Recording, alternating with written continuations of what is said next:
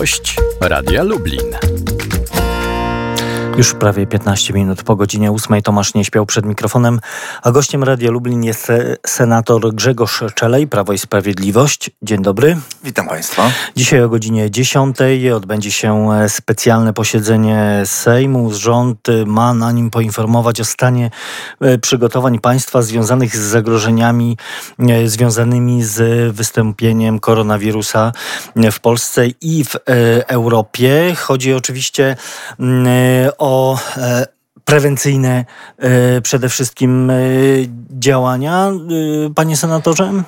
Raczej o informacje dla społeczeństwa o tym, co się dzieje, jak, na jakim etapie jest to szaleństwo, które ogarnia, ogarnia Europę. Szaleństwo jest, ale czego nawet nie wykluczają przedstawiciele rządu, minister zdrowia, premier Mateusz Morawiecki, ten koronawirus prędzej czy później w Polsce się pojawi.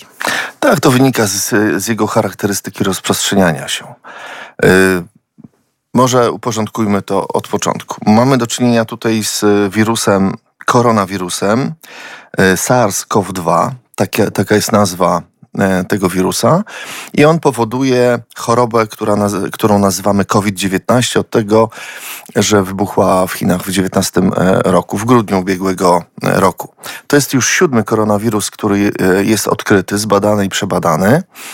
Cztery z nich są wśród nas, żyjemy wśród nich i nie wywołują żadnych objawów choroby.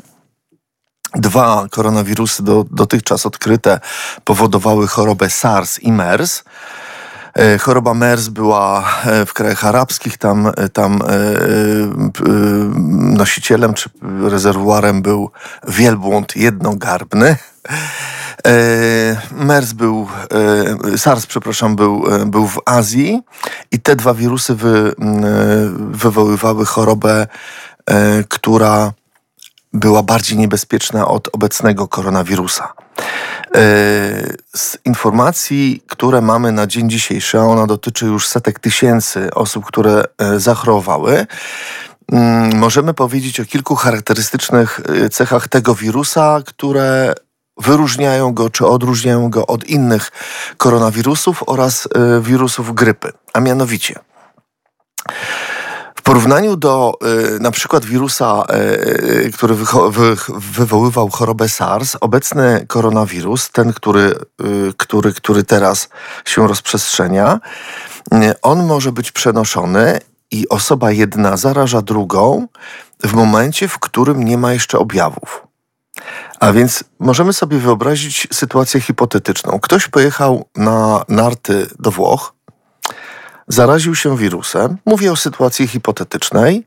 Wirus u niego się jeszcze nie rozwinął, wjeżdża do Polski i nie ma żadnych, powtarzam, żadnych metod, aby zbadać, czy ta osoba zaraziła się tym wirusem, czy nie, ponieważ jeszcze nie doszło do rozwoju tego wirusa w, w organizmie.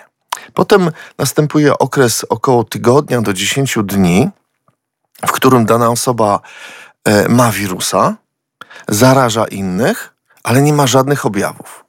W przypadku na przykład SARS czy, czy wielu innych y, chorób e, zaraża osoba, u której są objawy, gorączka, ból y, mięśni i tak dalej. I łatwo wtedy taką osobę wyeliminować, zbadać, przebadać, zamknąć w domu. To oznacza, że jesteśmy wobec tego koronawirusa bezradni? Jako... Jeżeli chodzi o rozprzestrzenianie się, to proszę mi wierzyć, jeżeli... Bo ja tylko powiem naszym słuchaczom, przecież rozmawiam e, z lekarzem. Doktor, Doktor nauk medycznych tak Grzegorz Szczelej. To, to, co mówię teraz, to mówię z całej swojej wiedzy, a proszę mi wierzyć, teraz szczególnie wszystko śledzę i czytam e, na, e, na bieżąco z tym związane. no właśnie, panie doktorze, y, czy my w Polsce jesteśmy bezpieczni? Bo, bo to pytanie zadaje sobie pewnie, jeśli nie każdy, to na Ale pewno wielu Polaków. Proszę o cierpliwość, wszystko powiem. Przygotowałem sobie takie najważniejsze rzeczy, które nie są interpretacją, tylko są czystymi e, faktami. A w związku z tym, jeżeli ktoś, e, e, a w zeszłym tygodniu było prawie 60 e, tysięcy Polaków we Włoszech. E, zarazi się tam, to nie mamy żadnych możliwości wyłapania na granicy, czy osoba e, jest zarażona i czy zaraża innych, czy nie. Już pomijam to. I te metody z mierzeniem temperatury, z jakimś wychwytywaniem to, pojedynczych przypadków są no, niespecjalnie skuteczne. są skuteczne tylko u, tych, u tego procenta niewielkiego pacjenta, który już ma objawy. Ma objawy. Ale proszę o cierpliwość, zrozumiecie, zrozumiecie Państwo, na czym polega problem. Przecież no, takie kraje jak Stany Zjednoczone, Włochy, Francja czy Wielka Brytania nie pozwoliłyby, gdyby mogły, do tego, żeby ten wirus się rozprzestrzeniał. No to przecież to nie jest kwestia mm, Polski, tylko przy tego typu e, przenoszeniu się, przy takich drogach przenoszenia się wirusa, no co, zamkniemy granice? Wszystkich w domu na dwa miesiące zostawimy? No przecież to, to po dwóch miesiącach to byłaby ruina z całej Europy. Nikt tego nie robi, bo ten wirus nie jest yy, wiele groźniejszy niż grypa, która teraz szaleje i nie ma takich powodów, żeby zamykać granice, firmy, państwa, wszystko, yy, wszystko w domu. To byłoby w ogóle nonsens, bez sensu. W ogóle o tym nie rozmawiamy. Więc jeszcze raz. Y, mówię to jako doktor nauk medycznych. Moim zdaniem pojedyncze przypadki do Polski dotrą, bo zbyt duży ruch jest między tymi krajami a Polską, mm, w których ten wirus jest, więc prawdopodobieństwo jest, e, no moim zdaniem, graniczące z pewnością, że ktoś tam ten wirus w końcu e, do Polski przywlecze. Przepraszam za wyrażenie. Dobrze, ale teraz kilka charakterystycznych rzeczy. Po pierwsze, Chiny miały pecha, ponieważ ten wirus y, zaczął się rozprzestrzeniać w ciągu, y, w czasie, kiedy tam był Nowy Rok. I olbrzymie skupiska ludzi świętowały i miały kontakt ze sobą na niespotykaną y, skalę. Tam tak po prostu jest.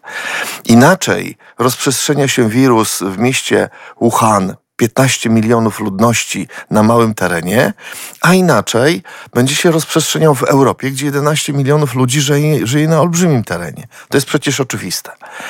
Bardzo ważna kolejna rzecz. Nie muszę chyba nikogo przekonywać, że wirusy, bakterie najlepiej rozwijają się i atakują nas jesienią e, e, i wiosną. To są dwa takie okresy, w których, w których mikroorganizmy mają e, idealne warunki. Tak mają jak żywność w lodówce. Lekki plus, my jesteśmy nieco bardziej osłabieni. E, ta temperatura powoduje, że wirusy e, idealnie e, mają idealne warunki do tego, żeby przetrwać. Jak się robi ciepło, bliżej kwietnia, maja, fala grypy i innych zachorowań na inne choroby wirusowe mija. No, chyba nie muszę przekonywać. Zawsze tak było, i będzie. Więc y, ten szczyt, y, który przypadł w Chinach y, w lutym, teraz we Włoszech, to jest ten szczyt zachorowań na choroby zakaźne, wirusowe w ogóle w, w Europie. Za chwilę ten szczyt będzie mijał, po, ponieważ przy cieplejszej, e, cieplejszym powietrzu, wyższej temperaturze oraz to, o czym mówiliśmy w sobotę na, na konferencji e, pediatrów w Warszawie, e, przy wyższej wilgotności, która jest w domach, wirusy mają przetrwanie poza organizmem kilkanaście minut, godzinę, dwie, a teraz nawet do dwóch tygodni.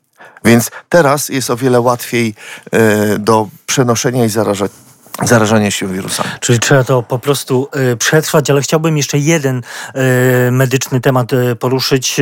40 dodatkowych milionów złotych ma trafić na lubelską onkologię. Na ostatnim posiedzeniu Senat przyjął poprawkę do budżetu na 2020 rok. Poprawkę senatora Jacka Burego z Lublina, właśnie, która przewiduje dodatkowe pieniądze na Centrum Onkologii Ziemi Lubelskiej. W Sejmie posłowie nie będą patrzeć, że była to poprawka zgłoszona przez senatora Koalicji Obywatelskiej?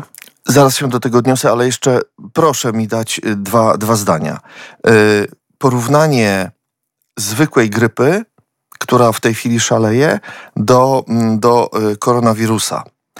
Szanowni Państwo, to co jest najważniejsze, moim zdaniem, dla mnie, to o wiele bezpieczniejsze są nasze dzieci. Ze wszystkich badań, które mamy i, i informacji, e, e, koronawirus nie powoduje żadnych powikłań ani, ani e, poważniejszego przebiegu. Nie było żadnego wypadku śmiertelnego u dzieci. I to jest bardzo ważne.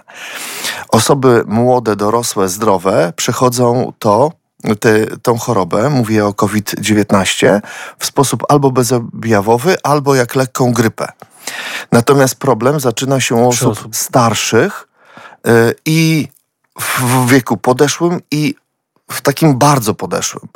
Czyli u osób w wieku powyżej 65 lat, powyżej 75 lat, 80, tutaj naprawdę trzeba, y, trzeba uważać. Ale zwracam uwagę na to, że jest to duże zróżnicowanie w zależności od wieku.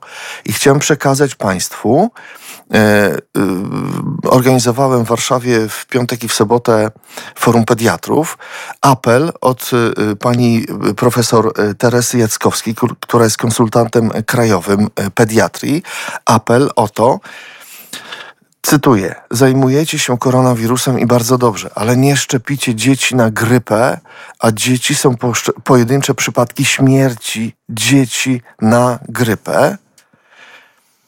Ponad 100 osób w tym sezonie jesienno-zimowym umrze na grypę bezpośrednio i ponad tysiąc osób na wskutek powikłań pogrypowych. Jeżeli ktoś ma zawał serca i potem umiera e, na, e, w wyniku powikłań e, na grypę, ma wpisywane w akcie zgonu zawał serca, a to są powikłania po grypie. Na którą przypomnijmy przecież jest szczepionka, która jest niewykorzystana. Stany Zjednoczone szczepią szczepią 76% społeczeństwa przeciwko grypie, a my poniżej 4. To jest skandal. I jedno zdanie na temat, y, czy senatora, y, poprawka senatora Burego utrzyma Poparliśmy się? poprawkę senatora, y, senatora Jacka Burego, ponieważ popieramy jak gdyby ideę przyznania pieniędzy na polską, e, na lubelską onkologię i na wiele innych działów w Lublinie. E, jeżeli pan pyta o to, co, e, co zrobi Sejm, Sejm to odrzuci, tak jak to jest. Jestem czwartą kadencję, więc mówię szczerze, tak jak, tak, takie są mechanizmy. My walczymy swoją drogą o te pieniądze, tak jak na nefrologię, tak jak na kardiologię lubelską, ale realnie to się, to się dzieje inną drogą. A mówił to Grzegorz, senator Grzegorz Czelej z Prawa i Sprawiedliwości, który był gościem Radia Lublin.